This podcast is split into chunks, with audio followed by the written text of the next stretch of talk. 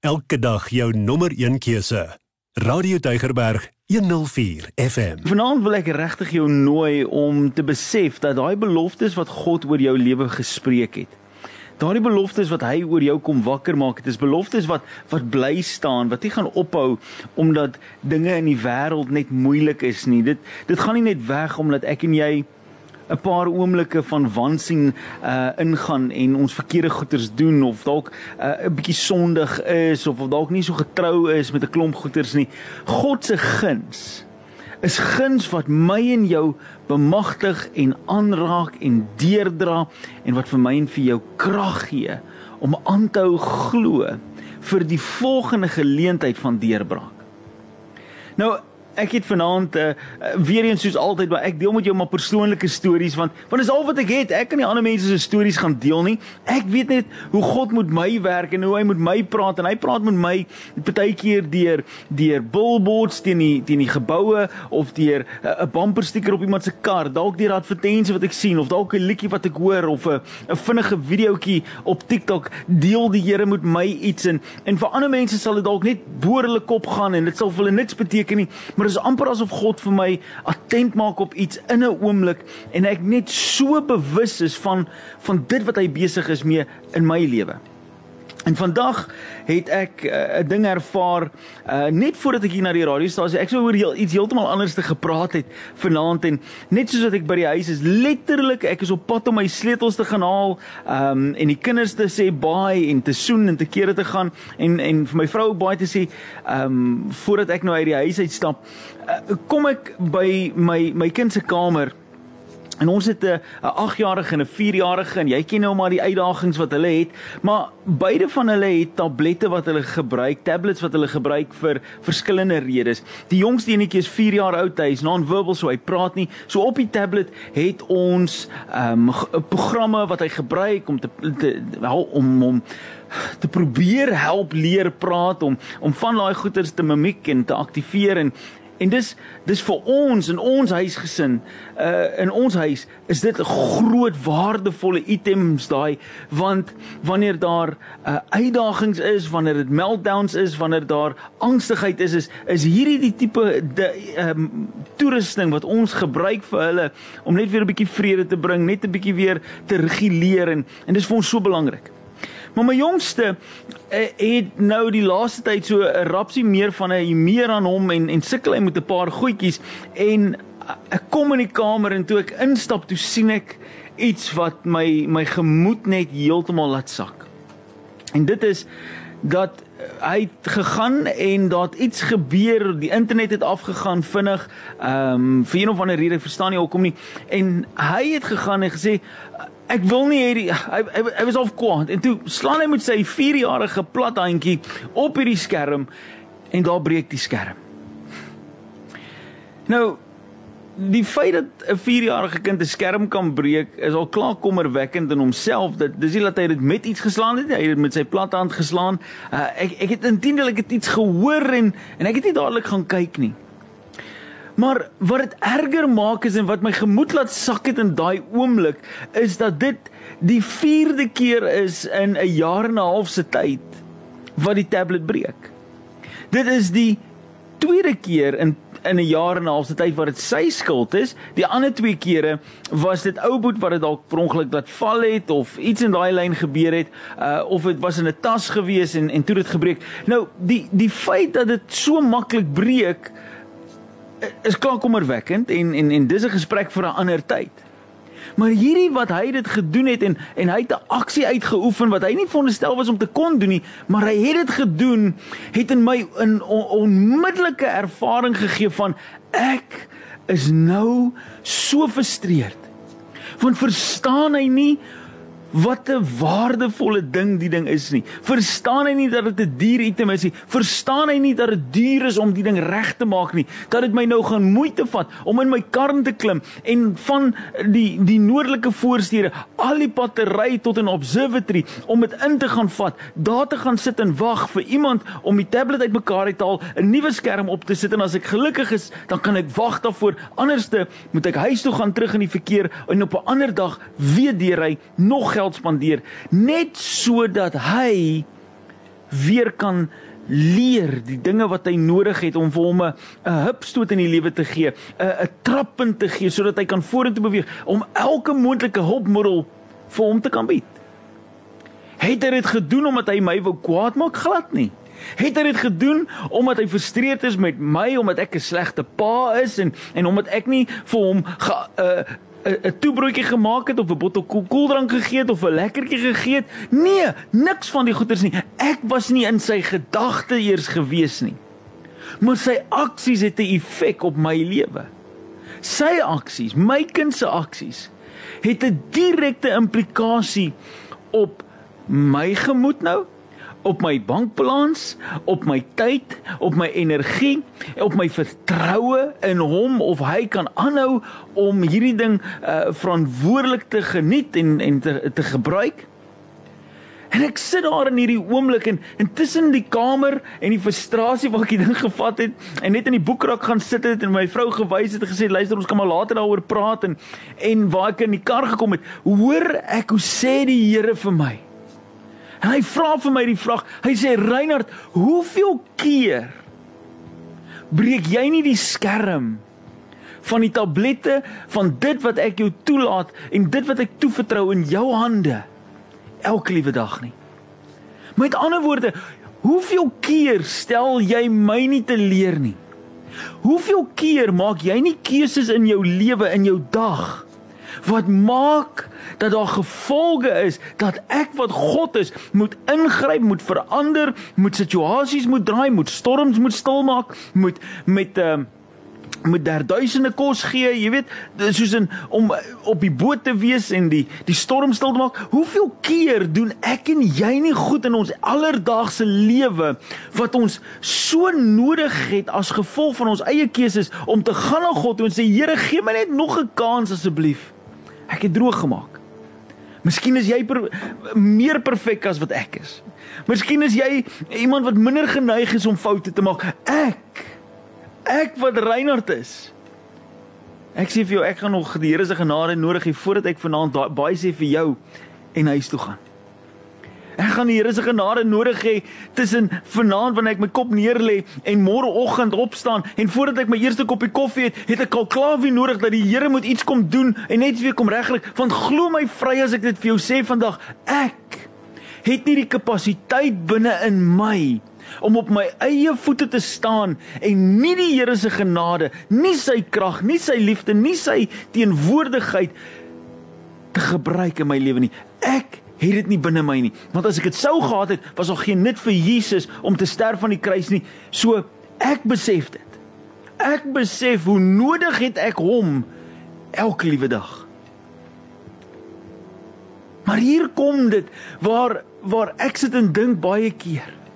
Imagine God moes na my en jou toe gekom het en na ons met ons geonderhandel het oor hoe goed ons elke dag optree om te bepaal hoe goed en sy hoe op uh, hoeveelvoudig sy liefde en sy genade sou wees. Imagine ons kon God manipuleer of sy hand draai of sy sy wêreld beweeg deur ons gehoorsaamheid en deur om alles reg te doen dan sal ons sy guns en sy liefde en sy genade beleef. Ons kan nie. Dit is bloot die genade van God. Dit is bloot die die absolute liefde wat hy het vir ons wat ons nie verdien nie wat ons nie kan self gaan werk en self gaan arbeid en self gaan oes nie. Dit is sy genade wat aan my en jou toe kom en sê weet jy wat? Jy droog gemaak. Jy het gefouteer. Jy het so opgemors, so royally opgemors. Dat jy verdien eintlik nie dat ek jou moet vergewe nie. Inteendeel, jy verdien soveel straf. Maar weet jy wat gaan ek doen? Weet jy wat gaan ek doen vir jou? Nie net gaan ek jou nie straf nie. Nie net gaan ek jou nie kom oor die kop slaan en vir jou sê jy moet nou maar gaan brand in die hel nie. Net nie nie, nie eers gaan ek vir jou sê jy moet bitter sleg voel oor jouself nie. Ek gaan kom en ek gaan jou begin seën. Ek gaan begin om vir jou deure oop te maak. I'm going to die die Engelse gesegde loop dit so. Hy sê killing us with kindness. Nou God maak my en jou nie dood met sy liefde nie. Hy hy maak die sonde binne in ons dood met sy liefde. God is not killing us. He's not taking our lives away, but he's killing the sin in our lives with his kindness. Hy vat ons lewens en hy kyk daarna en hy sê, "Vriend, kind, geliefde, sit jou eie naam daarin. Ek is jou so lief dat as ek nodig het om vir jou 'n tweede en 'n derde en 'n vierde en 'n vyfde en 'n tiende kans en 'n honderdste kans en 'n 'n miljoenste kans te gee, dan gaan ek dit doen want dit is vir my meer belangrik dat jy sal besef dat ek het jou so oneindig baie lief dat ek eerder sal vergewe as om jou weg te stoot en jy gaan in die ewige verderf. Ek het klaar die duurste prys betaal. sien dit vir my en jou God se liefde en sy genade. Dit is baie keer vir my en jou soos wat versekerings maar in ons lewens is. Ons is so gepla as die kar gestamp word. Dit is ongerieflik, dit is ongemaklik, maar ek betaal elke maand betaal ek 'n premie sodat wanneer daar 'n probleem kom, dat dit reggemaak kan word en ek nie daai groot rekening hoef op te tel nie.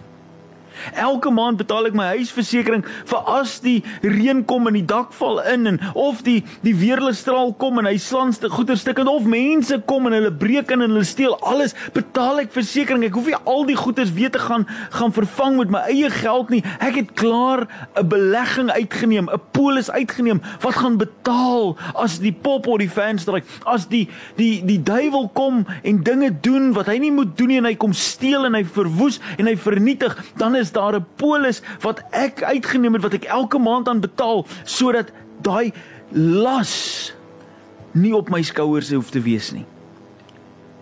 Nou asseblief, moet nou nie te geestelik raak dat jy nou vir my sê dit wat die volgende stelling wat ek gaan maak is nou so onbybels en so onheilig nie. Verstaan net die die die die analogy wat ek gebruik, die die die beeldspraak wat ek gebruik. Nou, dis hoe God se liefde vir my en jou is met Jesus Christus. Jesus Christus het die prys vooraf gaan betaal. Dat of die duiwel probeer om jou hart te steel en in sonde jou te kom oorweldig en of die die vyand probeer om jou te belieg en te beroof en en om jou seer te maak, het die liefde van Jesus aan die kruis alreeds die prys betaal. En daarom kan die vyand met al sy leuns, al sy streke na jou toe kom en vir jou sê, "Kyk hoe sleg is jy, kyk hoe vernietig is jy. Kyk hoe ek al die vreugde kom steel, kyk hoe ek al die blydskap kom wegvat. Kyk hoe ek al jou hoe ek jou verhoudings vernietig. Kyk hoe ek jou kom uh, in hongersnood en jou finansiëel. Kyk kyk hoe ek al hierdie goeders gedoen en dan kom staan jy voor die troon van heerlikheid en God sê, "Maar Jesus het reeds betaal." Jesus het reeds die las betaal dat jy nie daai las hoef te dra nie want die versekering daarvan is klaar gegee. Dis die blye versekering van Jesus Christus. Nou, dis baie meer vir God. Dis baie meer vir God as net 'n gewone ou ruil transaksietjie, 'n paar rand hier en 'n paar rand daar en en die polis is gekover. Dis baie meer vir hom as net dit, maar dit kan ook so eenvoudig vir my en jou wees om te verstaan is dat wanneer ons vanaand in hierdie posisie na God toe kom en sê Here, ek besef Ek het vrymoedigheid om na U toe te kom want dit is nie oor hoe baie goed ek reg doen nie. Dit is is ek besig om te besef dat ek kan nie op my eie vermoë staat maak nie. Ek het Jesus nodig wat al reeds gekom het en vir my die krag gegee het, wat al reeds gekom het om vir my die vergifnis te gee, wat al reeds gekom het om my te bedek met die bloed van die lam sodat ek voor U kan staan met heerlikheid en danksegging en aanbidding en weet dat U my gaan vergewe. Jy sien ons leef lewens. Ons leef soveel mak so maklike lewe. Dankie Here. Ons leef so maklike lewe. Waar ons vir die Here wil sê: Here, oordeel my net op al my goeie besluite. Oordeel my net op al die dinge wat ek reg doen. En dan kom God en dan sê hy ek kan nie. Ek kan nie. God kan my en jou nooit oordeel op net ons goeie besluite nie. Want elke besluit wat ek en jy maak, wat ons sê is 'n goeie besluit. Kan die vyand kom en sê hier is 10 ander besluite wat hierdie persoon gemaak het. Wat daai een goeie besluit uitvee. Hy kan dit sê. Behalwe daar's 'n troefkaart in God se hand. Daar's 'n troefkaart wat kom en hy sê hierdie is my seun Jesus Christus. Hier het sy bloed gevloei. Hier het verlossing gekom sodat Reinhard, sodat John, sodat Martin, sodat Mary en Elizabeth en Cynthia en Katie en Sophie en Maritjie en en Delia en Diane en Sarah. Elkeen van hulle kan staan voor die troon en sê Here ek ontvang u liefde vanaand. So maklik. So so maklik om in elke een van ons lewens in te gaan en te gaan foute vind. Maar God sê, wil jy nie kyk na jou eie lewe en sien dat ek my seun Jesus se se bloed daaroor gestort het.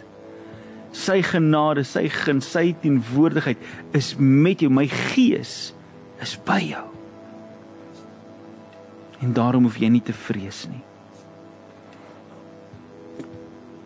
Daarom hoef jy nie te vrees nie is vir my maklik soms om net na die Here toe te gaan en te sê Here kom en wees een beheer. Want in by om dit te doen forceer ek myself om my hand van die wiel af te haal, my voet van die pet, die petrol af te haal en te sê Here vat U nou die verantwoordelikheid. Ek kan nie myself blameer nie vir al die foute wat ek maak nie, daar's te veel. Ek kan nie heeltyd my hamer op al die die dinge wat ek verkeerd doen nie. Ek kies om te fokus op God en die tweede kanse wat hy vir my bied. Wil jy nie vanaand vir hom net in 'n oomblik 'n WhatsApp set vir my 'n WhatsApp stuur en implikasie dan sê jy dit eintlik vir God. Wil jy nie vanaand vir hom sê Here, dankie. Dankie vir die tweede kans. Dankie vir die tweede kans. As jy vanaand 'n tweede kans nodig het, wil jy dit nie vir hom sê nie. Wil jy nie vanaand net vir hom be bely en sê Here, ek nodig vanaand regtig 'n tweede kans nie. As dit is wat jy nodig het of as dit is wat jy al gekry het, sê dit vanaand vir hom. En ek wil graag 'n oomblik vat om saam met jou te bid. Om te vertrou dat jy 'n wonderwerk sal sien in daai area. Nou as jy aanlyn kyk, dan stuur jy dit vir my na die WhatsApp, ag na die na die comments toe. Jy sit dit in die comments. Sê Here, dankie vir my tweede kans. As jy by die radio luister vanaand soos wat baie mense doen, dan kan jy 'n WhatsApp stuur by 0844 104 104. Dankie Here vir my tweede kans. Dankie Here. Dankie Here. Dankie Here dat U nou tweede kansse bring. Tweede kansse bring, Here. Dankie dat U by ons kom stil staan. En ons toefou met U liefde. Dankie Vader vir tweede kansse. Ten spyte van of ons dit verdien, Here, dankie. Dankie vir aanraking vanaand op 'n bonatuurlike manier. In Jesus naam. Jy is ingeskakel op Radio Tygerberg 104 FM.